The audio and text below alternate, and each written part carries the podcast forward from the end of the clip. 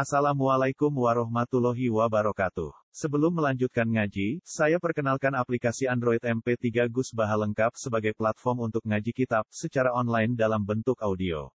Aplikasi ini berisi berbagai kajian kitab kuning dari Kiai Haji Ahmad Bahaudin Nur Salim.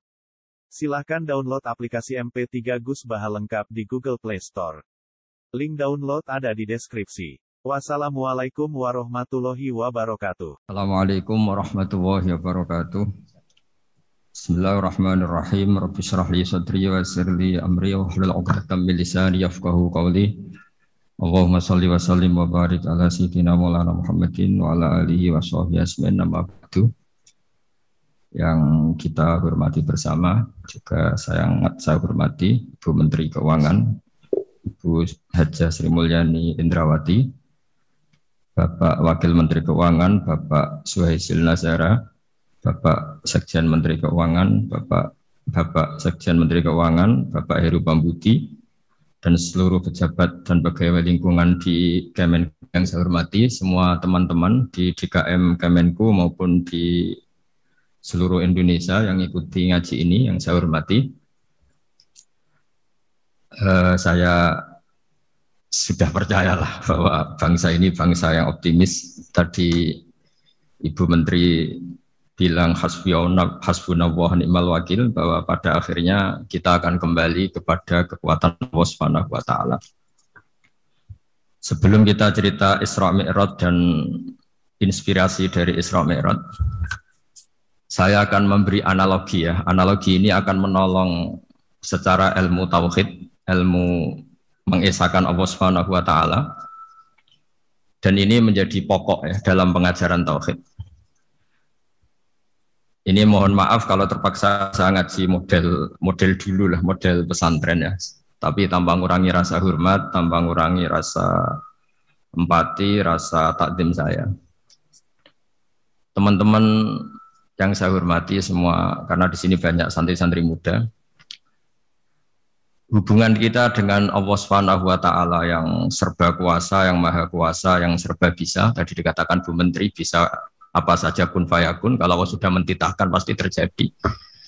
Itu kira-kira seperti ini. Saya ini bawa cincin dari besi mungkin atau dari apa itu ya besi lah atau perak.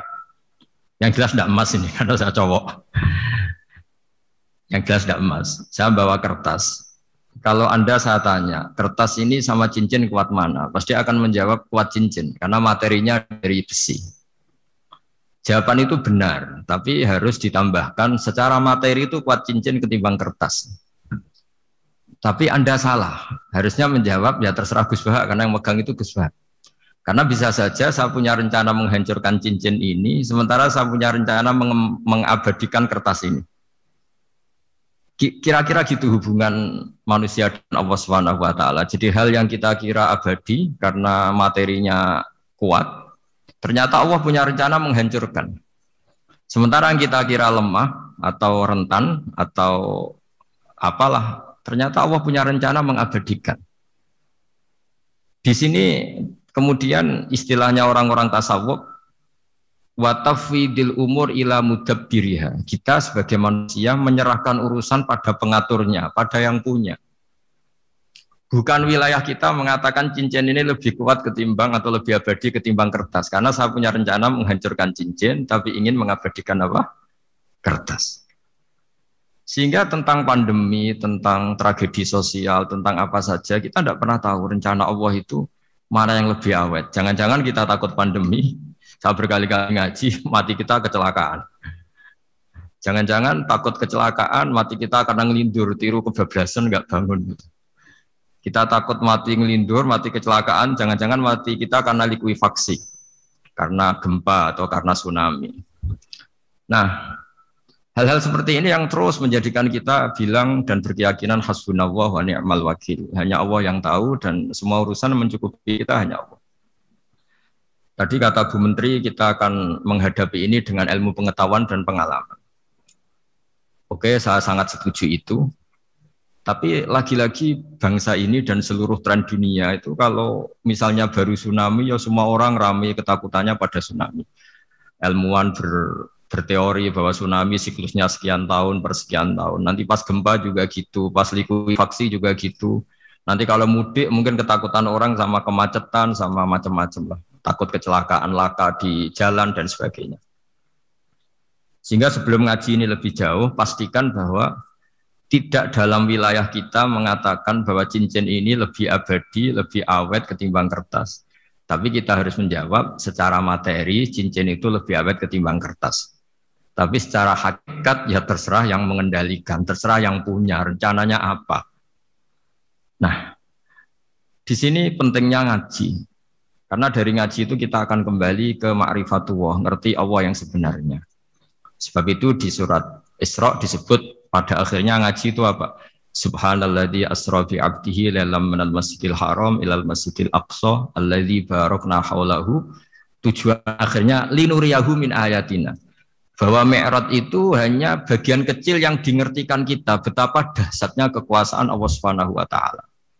Betapa tidak terbatasnya kemampuan dan kebisaan dan kudrahnya Allah Subhanahu wa taala. Makanya masih dikatakan min ayatina itu masih sebagian kecil dari ayat-ayatku kata Allah. Lalu dalam surat Kahfi diterangkan, ketika orang kagum dengan Ashabul Kahfi yang bisa hidup tidur ya, tidur dalam keadaan hidup 300 9 tahun atau masehinya 300 tahun, kalau hijriahnya 309 tahun. Itu mungkin kalau kita ilmuwan, ahli ahli baksil ya, atau ahli apalah, itu mungkin lebih kagum tentang nyamuk. Saya berkali-kali bilang, andekan kita pakar, pakar, sepakar-pakarnya, terus disuruh bikin nyamuk itu, nggak usah bikin nyata hidup, bikin patungnya saja Nyamuk itu sekecil itu, kemudian punya jantung, jantungnya punya urat, uratnya punya kuman, kumannya juga punya urat. Bayangkan saja sudah tidak bisa. Sehingga ketika orang tak kagum sama ashabul kahfi, kata Allah, am hasib anna ashabal kahfi warroki kanu min ayatina ajaba. Apa kamu kagum tentang ashabul kahfi dan batu-batu yang dipahat di situ? Bukankah dalam kekuasaan kami ada yang selalu menakjubkan? Artinya, andekan kita ilmuwan tentang embriologi, tentang hewan, tentang kuman, mungkin kita tentang nyamuk itu lebih dahsyat ketimbang tidurnya Ashabul Kahfi yang 309 tahun. Karena kemampuan kemampuan Allah menciptakan nyamuk yang kecil sangat kecil, super kecil. Kemudian kecil itu ya punya jantung tentu lebih kecil lagi. Belum uratnya jantung itu, belum nyamuk juga di dalamnya menyimpan calon-calon keturunannya. Kayak apa kecilnya lagi?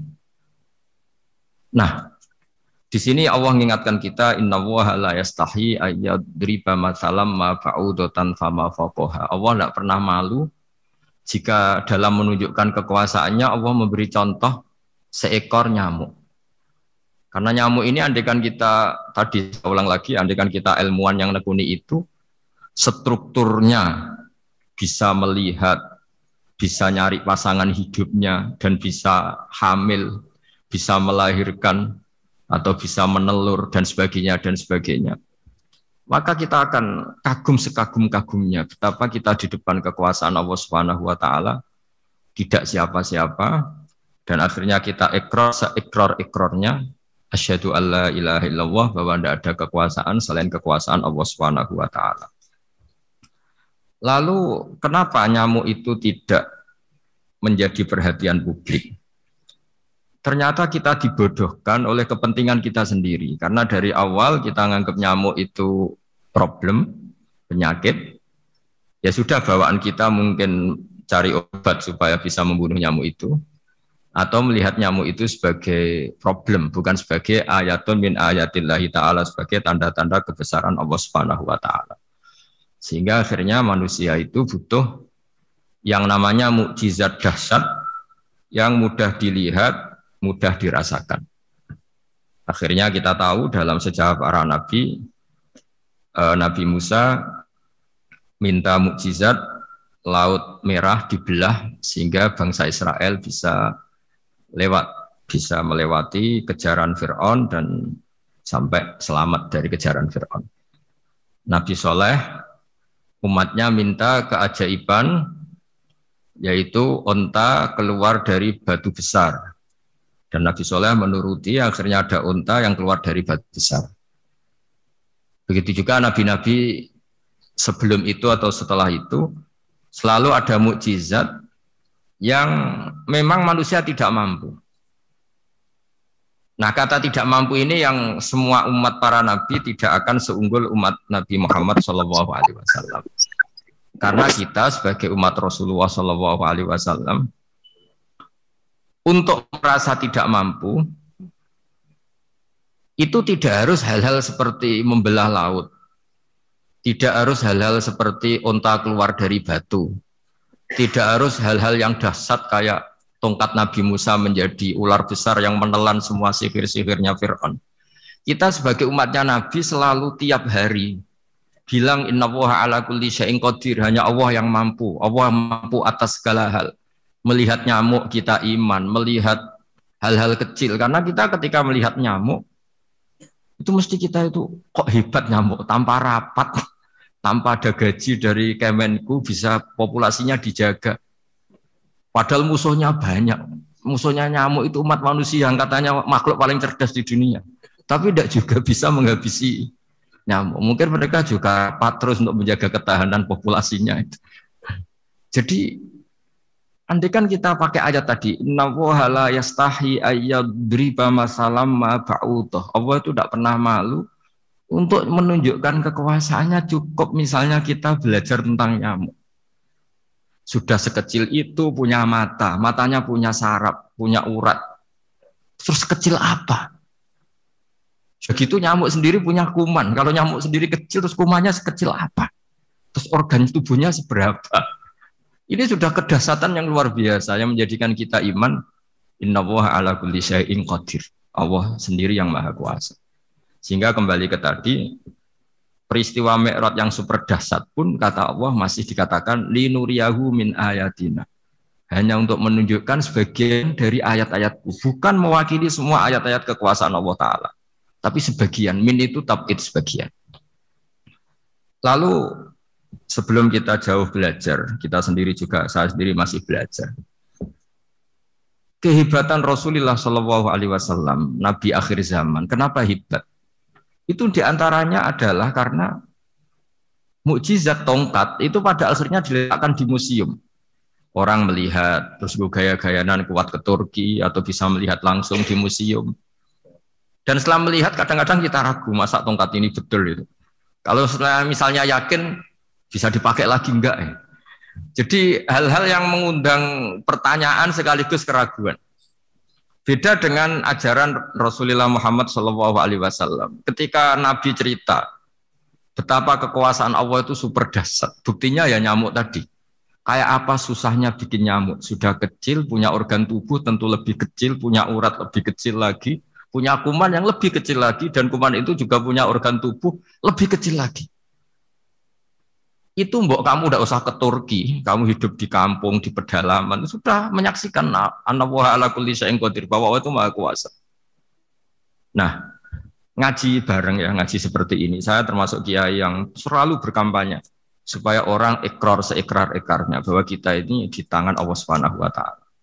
Saya kemarin-kemarin ngaji sama orang-orang Grab juga barusan tiga hari yang lalu, empat hari yang lalu ngaji sama teman-teman disabel atau difabel karena mereka kalau dibahasakan disabel nggak mau, tapi komunitas internasional minta dis pakai bahasa S, tapi kita di Indonesia pakai difabel. Akhirnya kita tahu, ternyata orang yang kita kira menderita karena fisiknya, ternyata kadang lebih bahagia. Karena Allah bisa mengalihkan pikiran untuk positif. Saya berkali-kali guyon di depan para tamu. Saya pernah punya tamu itu perempuan nggak cantik, nggak cantik miskin lagi ini nyata ini. Gus doakan supaya suami saya kaya. Terus saya bilang, memangnya kalau sudah kaya ngapain itu? Ya paling tidak rumah saya diganti, mobil saya diganti. Tapi nanti akhirnya evaluasi Anda juga ingin diganti. Gitu. Karena setelah rumahnya mewah, rumahnya mewah, pakai mobil mewah, pasti yang dievaluasi bukan rumah dan mobil, tapi Anda. kok nggak pas ya oh, wajah gini di rumah saya gitu. kok nggak pas wajah gini di mobil mewah akhirnya ibu-ibu tadi sudah aku nggak jadi nggak jadi jadi mungkin barokahnya pandemi itu nanti ibu menteri itu jadi kelihatan hebat karena ada pandemi kok Indonesia bertahan itu tapi kalau nggak ada pandemi kan ya biasa aja memang normal ini. Kiai juga gitu, diuji santri yang kadang beli, umat yang nggak jelas. Itu memang ujiannya. Kalau nggak ada ujian ya nggak keren. Kayak ya biasa aja lah kita adepin, ya kita tadi kata Bu Menteri ya kita ikhtiar dan berdoa. Lalu saya ulang lagi. Jadi logika, logika itu bisa pakai analogi. Analoginya tadi, salah Anda kalau mengatakan cincin ini lebih kuat ketimbang kertas. Yang benar adalah secara materi ini lebih kuat ketimbang kertas. Tapi soal nanti kekuatannya sampai kapan terserah yang punya. Bisa saja saya punya rencana besok ini saya luluhkan, saya hancurkan. Yang ini saya simpan. Kayak apa dulu dinosaurus itu kuatnya kayak apa? Habis. Ayam yang selemah itu sampai sekarang masih.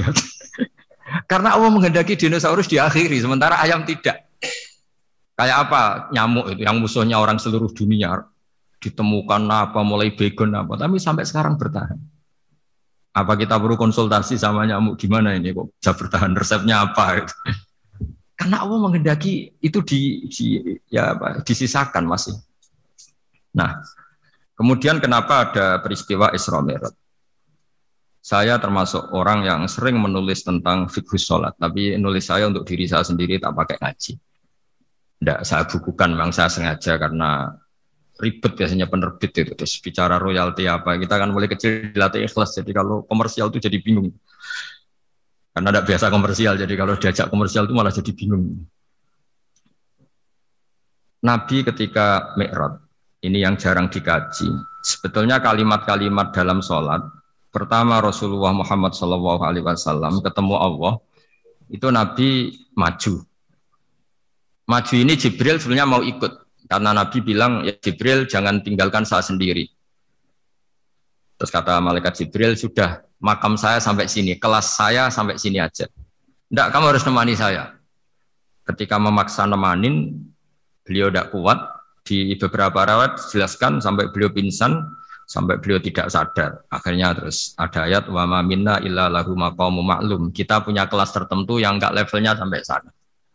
Akhirnya Nabi masuk masuk itu, masuk wilayah itu, area itu. Dan Nabi ngendikan at-tahiyatul mubarakatus sholawatut thayyibatulillah. Kira-kira maknanya semua kehormatan, semua kebaikan, semua yang bersebah suci itu milik Allah Ta'ala. Lalu Allah menjawab, Assalamu alayka ayuhan nabiyyu wa rahmatullahi. Bahwa kamu Muhammad mendapat salam dari saya, mendapat semua kehormatan, semua uh, keselamatan. Kemudian Nabi itu karena sebagai hamba yang tidak egois, tidak ingin kalau nikmat dirasakan sendiri, tidak ingin kalau sedang senang beliau sendiri yang merasakan, beliau ngendikan assalamu alayna wa ala ibadillahi sholihin. Ya Allah tolong bahwa status selamat itu tidak hanya milik saya, tapi milik siapa saja yang soleh. Soleh itu ya sesuai kelas masing-masing. Setelah itu para malaikat melihat kebaikan Nabi yang seperti ini, melihat mentalnya atau keinginannya yang luar biasa untuk baik kepada semua orang wa ala ibadillahi solihin terus malaikat saat itu rame-rame bersaksi asyhadu alla ilaha illallah wa asyhadu anna muhammadar rasulullah catatannya apa di sini bahwa ternyata kesaksian tentang syahadat itu dimulai rasa tidak egois rasa merasa bahwa rahmat ini harus dirasakan semua orang Wama arsalna ka illa rahmatalil alamin. Jadi rahmat ini harus dirasakan banyak orang. Kita tahu misalnya Islam melarang narkoba misalnya. Memang narkoba itu mengganggu. Hampir semua kecelakaan rata-rata faktor supir itu narkoba. Begitu juga pembunuhan yang sadis, rata-rata efek dari pengaruh narkoba. Sehingga Islam keras sekali tentang narkoba. Dan Alhamdulillah di Indonesia ditangani BNN yang sangat serius eh, melawan narkoba. Nah, keputusan Islam melarang narkoba itu keputusan yang luar biasa, yang menjadi berkah bagi semua. Begitu juga keputusan Islam tentang melarang zina, melarang perbudakan, melarang penipuan. Dan Islam mendukung misalnya gerakan nekah, gerakan adil, gerakan keseimbangan dan kemanusiaan. Sehingga agama ini akan dinikmati siapa saja karena ajarannya. Lalu agama ini bisa nikmat, itu solusinya gampang menurut Rasulullah, yaitu sholat. Nabi itu kalau pusing menghadapi banyak hal, itu pasti keluar masuk, keluar masuk. Terus tanya sama istrinya, kapan waktunya sholat? Kapan Bilal datang? Dulu kalau mau waktu sholat, Bilal datang, ngetop pintu Nabi, ya Rasulullah, sekarang waktunya sholat. Itu Nabi membahasakan sholat itu unik. Ini tentang mi'raj ya, karena hasilnya ya sholat tadi. Arifna ya Bilal. Arifna itu tolonglah bikin nyaman saya dengan sholat. Sebelum kita belajar sholat secara serius, gampang. Kalau kita misalnya menteri atau kita ajudan atau kita apa, kayak apa asiknya kita kalau ngomong-ngomong sama presiden, bercengkrama dengan presiden atau dengan menteri atau dengan kiai, dengan atasan. Sholat itu media di mana kita asik dengan Allah Ta'ala. Kalau kita bisa asik dengan atasan yang manusia, apalagi ini asik dengan Allah Subhanahu wa taala. Sehingga kita harus malu kalau sholat tidak asik. Kita ketemu orang yang kita hormati saja asik, masa ini ketemu Allah taala tidak asik. Sehingga dulu bawaannya orang dulu itu kalau sholat untuk tidak cepat itu harus diperintah. Dulu para nabi, para sahabat kalau sholat itu lama-lama. Sehingga sampai Nabi yang turun tangan, wahai para sahabatku, kalau kamu jadi imam jangan lama-lama. Karena dulu semua orang itu penikmat sholat. Sehingga untuk tidak lama itu nunggu diperintah. Kalau kamu jadi imam jangan lama-lama, kasihan makmumnya. Gitu. Nah sekarang alhamdulillah tanpa dilarang sudah cepat semua. Ini sudah ada kemajuan, ini sudah maju sekali ini. Gak usah dilarang sudah cepat. Dulu itu saking asiknya orang sholat. Untuk supaya agak cepat itu harus ada perintah dari Nabi. Kalau kamu jadi imam jangan lama-lama. Nah kita kalau sedang pas baik lah, pas waras lah kira-kira gitu. Kalau bahasa orang Pantura, saya ini orang Pantura, jadi kalau ngomong lebih lebih keras, lebih vulgar. Normalnya orang sholat itu tidak bisa ngakhiri. Normalnya, saya ulang lagi, normalnya orang sholat itu tidak bisa ngakhiri karena ketemu zat yang kita cintai. Kita kalau ketemu orang yang kita hormati, yang kita cintai itu nggak bisa ngakhiri. Misalnya mungkin anak muda, contohnya ketemu pacar nggak bisa ngakhiri. Kita kangen sama temen, jagong nggak bisa ngakhiri karena asik. Nah ini ketemu Allah yang dipuja-puja, dipuji-puji, kemudian cepat ingin ngakhiri. Jadi ini kita agak aneh. Makanya orang sholat itu tidak bisa ngakhiri. Dan itu normal. Sehingga dulu ketika Sayyidina Umar itu ditikam sama satu benda yang kayak pancing itu. Panah itu kan kayak pancing ya. Jadi kalau masuk cepat tapi nariknya susah. Karena ada grendelnya. Itu tiap ditarik sakit, tiap ditarik sakit. Dan beliau bilang, nanti selasa sholat tarik. Beliau sholat, in, nyaman, ditarik itu nggak gerak sama sekali. Karena dia sudah istighraq billah. Sudah nyaman dengan Allah sehingga ditarik itu nggak nggak kerasa. Dulu di daerah sini masih keluarga kita lah masih keluarga kita semua. Ada seorang wali imam jadi imam masjid. Itu di PHK sama takmirnya. Karena ketika sujud dia asik terus lama sekali. Sampai 30 menit. Sampai santrinya bilang mbah mbah sampun mbah sampun. Setelah itu rapat dihentikan kita kenapa mbah sujud begitu saya tidak bisa mengakhiri orang nikmati sujud kemudian ingin berhenti.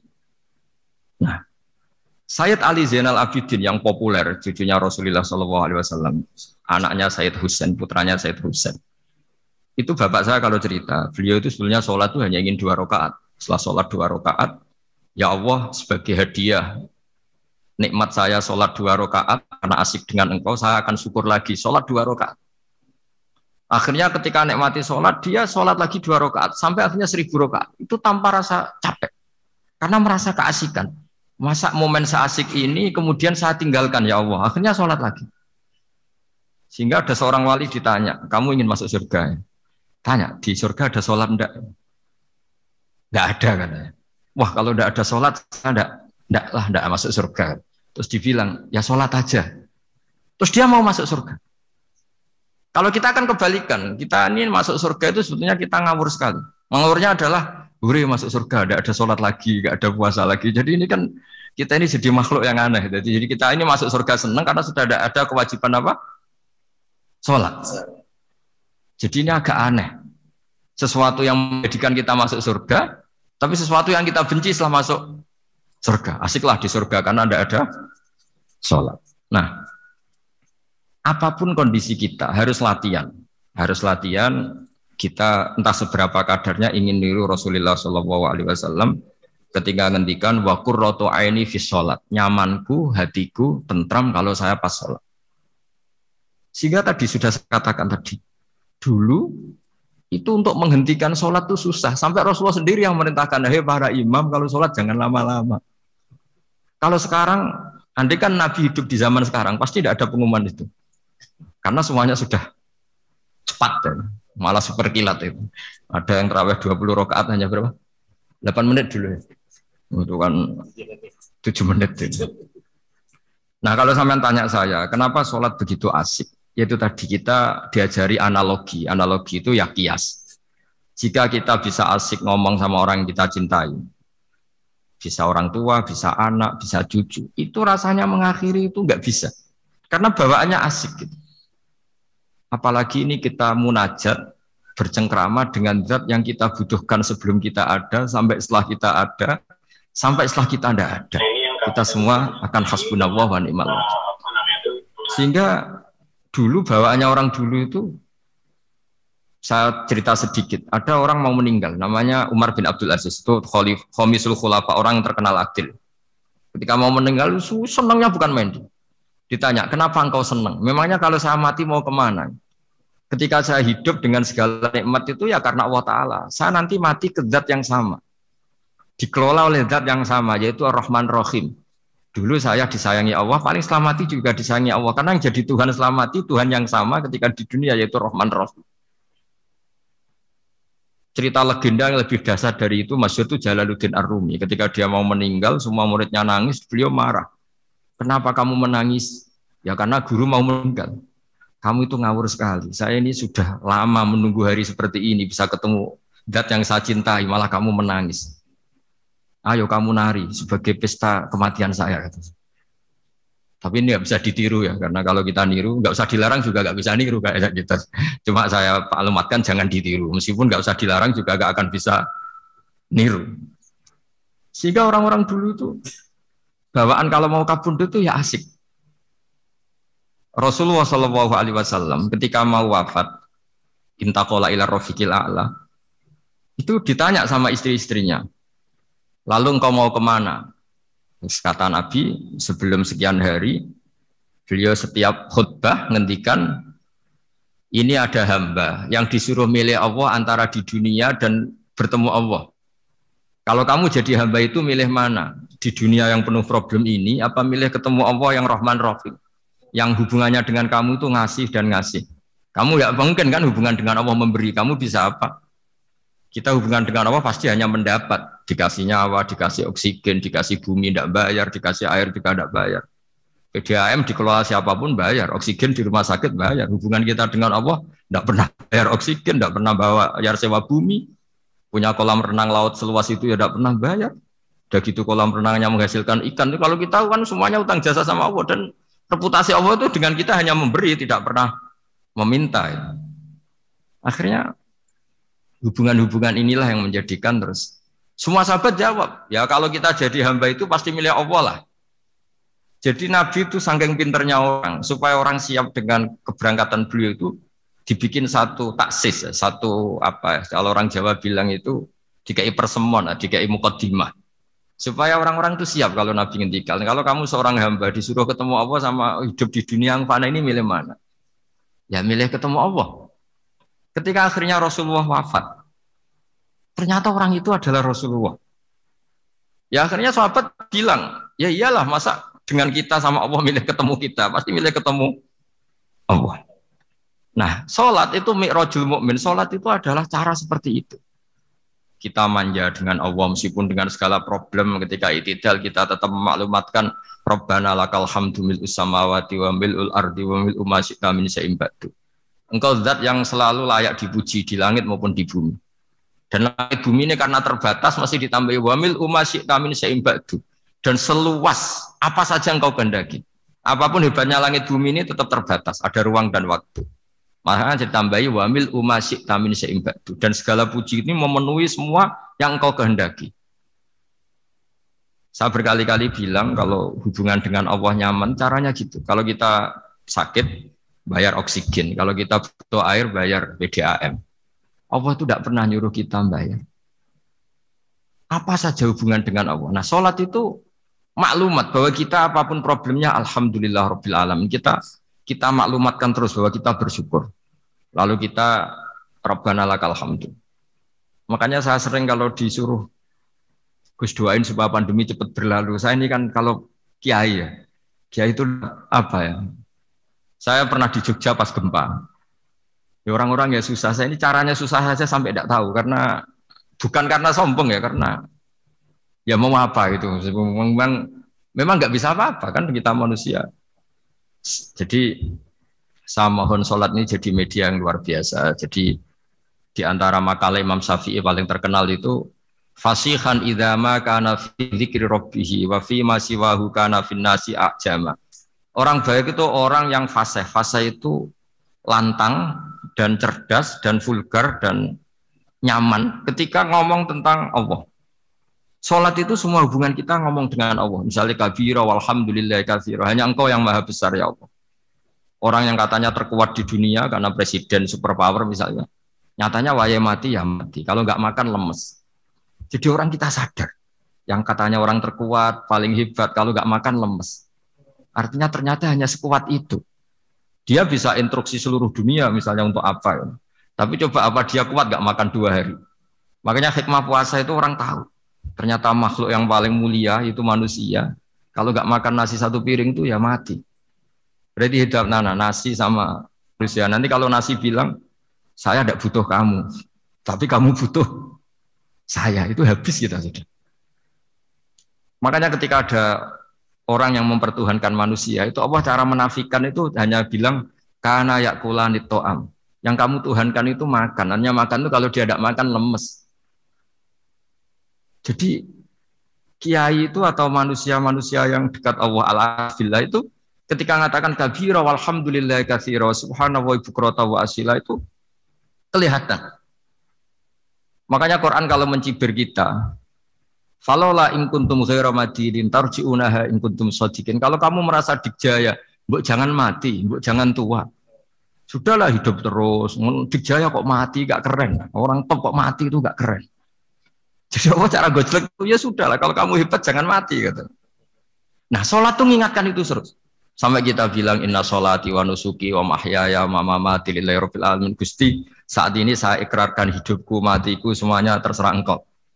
Nah lagi-lagi tadi ketika kita bilang cincin ini lebih kuat ketimbang kertas, Anda salah. Karena itu hanya secara materi. Kuat tidaknya terserah yang mengendalikan. Karena saya punya rencana menghancurkan cincin ini, besok mau saya lebur, sementara saya mau mengabadikan kertas ini. Nah, di sinilah terus kita diajari misalnya di surat Yasin yang populer, uh, Allah itu siapa? Allah itu fasubhanalladzi biyadihi malakutu kulli dat yang mengendalikan semua sesuatu. Makanya sholat itu menjadi penting. Saya sendiri termasuk orang yang jarang mamia, saya selalu jadi makmum. Jadi andekan Mas Zakaria di sini saya juga makmum. Cuma keren saya kayaknya meskipun saya makmum. Karena saya kalau makmum itu bisa ingat Allah terus. Kalau imam itu enggak jaga jaga image. nah malu kan. Misalnya di masjid kementerian terus sholatnya kok cepet nanti dikira enggak ustadz betulan itu. kalau ulama ternyata banyak urusan jadi banyak banyak berpikir gitu. Tapi alhamdulillah ini barokahnya ngaji terus apa ya? Ya hasilnya mi'raj itu ya sholat itu. Sholat ini spesial karena tadi saya bayangkan itu di surga gak ada sholat itu ya terus wopo itu gak asik. Itu kalau Imam Ghazali itu membarter kita itu begini. Kalau kamu bangga di kasrotin nisa, pasangan kamu banyak, itu ayat lebih kuat ketimbang Anda. Karena satu hari, satu jam bisa berapa kali. Kalau Anda bangga bisa makan, itu kerbau itu makannya lebih banyak. Nah, kalau Anda bangga atas pengaruh itu tawon itu ratu tawon itu pengaruhnya lebih besar ketimbang Anda dia diam di rumah tapi anak buahnya loyalnya kayak gitu. Artinya kalau manusia bangga itu apa? Ya dengan sholat tadi ini karena satu ibadah yang nggak tertandingi oleh makhluk yang lain. Apalagi dalam sholat itu ada semua gerakan yang mewakili semua ibadahnya malaikat. Malaikat itu ada yang ibadahnya berdiri terus, ada yang rukuk terus, ada yang sujud terus, dan sholat itu mewakili semua itu. Juga mewakili sosial karena setelah sholat kita bilang assalamualaikum warahmatullah bahwa keselamatan ada di kanan dan kiri. Nah, oke okay ya, itu sakralnya Mi'raj. Tapi di balik Mi'raj itu ada hal-hal yang manusiawi. Dan ini yang terjadi di dunia. Ketika Rasulullah melangkai makamnya Nabi Musa, makam itu status eh, ranking lah kalau dalam bahasa Indonesia itu. Kalau bahasa Indonesia itu ribet, makam itu kuburan.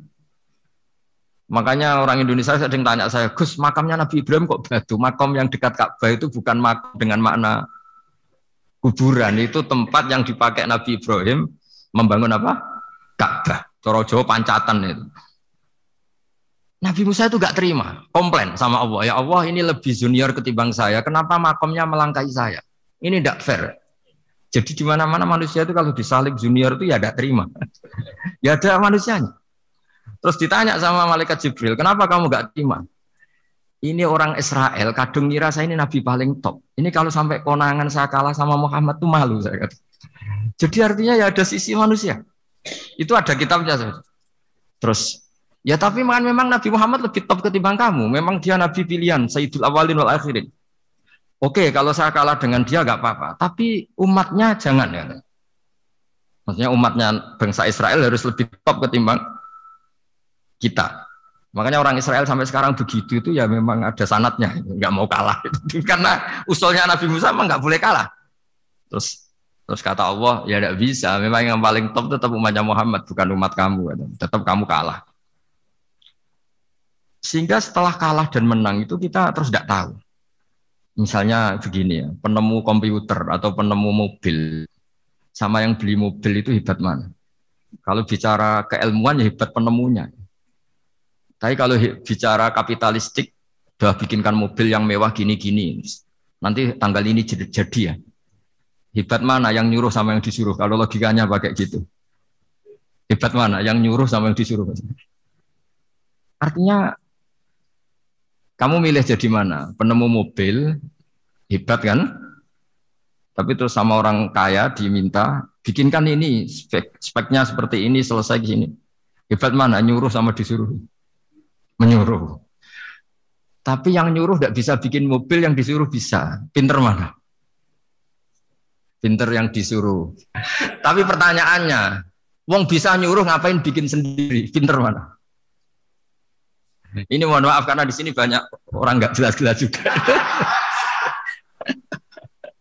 Artinya terus subjektivitas manusia ini tetap ada gitu. Kalau bisa beli ngapain bikin gitu. Tapi kalau bisa bikin ngapain beli. Nah mungkin perdebatan di kementerian atau di yayasan atau di kampung-kampung atau di apa mesti begitu. Dan itu di Mi'raj juga digambarkan digambarkan bahwa antar nabi ini ya ada kompetisi wa fidzalika falyatanafasil mutanafisun. Tapi bedanya nabi dengan kita itu satu. Nabi itu kalau keliru dengan tanda petik, nabi itu dengan nabi itu kalau keliru itu jadi berkah. Itu bedanya kita. Kalau kita keliru kan keliru betul. Kalau nabi itu tidak kelirunya itu jadi berkah. Ini saya punya dua contoh kalau boleh dibahasakan ya kekeliruan nabi atau dengan tanda kutip kekeliruan nabi. Tapi saya ulang lagi dengan tanda kutip. Nabi Musa itu ketika Nabi Muhammad ditanya, kenapa kamu dipanggil jauh-jauh? Disuruh sholat 50 rakaat. Nabi Ibrahim nggak komplain, karena beliau Nabi yang baik. Semua Nabi nggak komplain, kecuali Nabi Musa. Kata Nabi Musa, jangan Muhammad, kebanyakan itu. Bilang ke Allah supaya di diskon. Ya, Nabi kembali sama Allah, ya sudah tak kurangi lima. Turun lagi, masih berapa? Empat lima. Masih kurang. Itu sampai sembilan kali. Akhirnya terkurangi berapa? 45 rakaat. Itu Nabi Musa masih bilang, dah minta lagi keringanan. Itu kalau diruti nggak jadi sholat kan? Kalau satu lagi kan masih terus hilang itu kewajiban sholat. Nah, Nabi Musa sebetulnya itu bukan karena kasihan kita. Bukan, bukan. Dia nggak nggak empati dengan kita. Beliau udah empati sama kita. Tapi gara-gara Muhammad, umatku yang lebih kuat, lebih ganteng aja nggak mampu melakukan sholat lima rakaat, apalagi umatmu. Dia memang orang Israel kan ganteng-ganteng, kuat-kuat, jadi dia pede. Umatku yang lebih keren, lebih ganteng saja gak kuat, apalagi umatmu. Jadi sebetulnya dia minta keringanan itu karena corong Jawa ngeprekno kita, menyepelekan kita bahwa Makanya saya ingin memberitahu Nabi Musa kalau ada umatnya Rasulullah yang namanya Sayyid Ali Zainal Abidin yang satu hari sholat seribu rokaat. Jadi nanti kalau ketemu Nabi Musa, ini 50 aja, ini kuatnya malah seribu. Nah akhirnya, tapi barokahnya Nabi Musa yang sentimen ini, sholat gak jadi 50, tapi 5. Itu bedanya Nabi sama kita. Ada contoh yang lebih ekstrim, kelirunya Nabi itu Nabi Yunus. Nabi Yunus, tapi keliru yang barokah, saya ulang lagi. Nabi Yunus itu memaklumatkan ke masyarakatnya, nanti itu kalau kamu tidak nurut sama saya ada adab. Anggap saja adab itu hari Kamis. Besok hari apa ini? Besok hari Kamis ya? Besok hari apa? Lupa hari ya. Rebu apa Kamis? Lupa hari. Kata Nabi Yunus, tiga hari lagi akan ada adab. Tapi kurang dua hari, kurang sehari umatnya masih dalam kemengkaran, dalam kemaksiatan, masih hura-hura. Akhirnya Nabi Yunus bilang, sudah ini tinggal sehari itu mangku ada adab. Tapi mereka tetap hura-hura. Akhirnya Nabi Yunus itu Coro Jawa itu minggat. Memang bahasa Arabnya is abako. Abako itu pergi yang tidak pamit. Itu kalau kamu cari di kamus, abako itu maknanya itu minggat. Pergi yang tidak pamit. Sama Allah dibahasakan abako. So, wong ra bener kabeh. Udahlah tak tinggalkan. Setelah ditinggalkan, Nabi Musa disalahkan sama Allah. Kamu itu Nabi tidak diperintah hijrah kok. Hijrah. Syaratnya Nabi kan mengambil keputusan apa saja berdasar wahyu. Tapi tanpa ada perintah wahyu, dia tetap keluar dari kampungnya itu. Keluar sama Allah disalahkan. Wong Nabi kok minggat. Akhirnya ketika dia di kapal, di perahu itu, dulu itu ada mitos, kalau ada perahu mau tenggelam pasti ada yang minggat, diundi.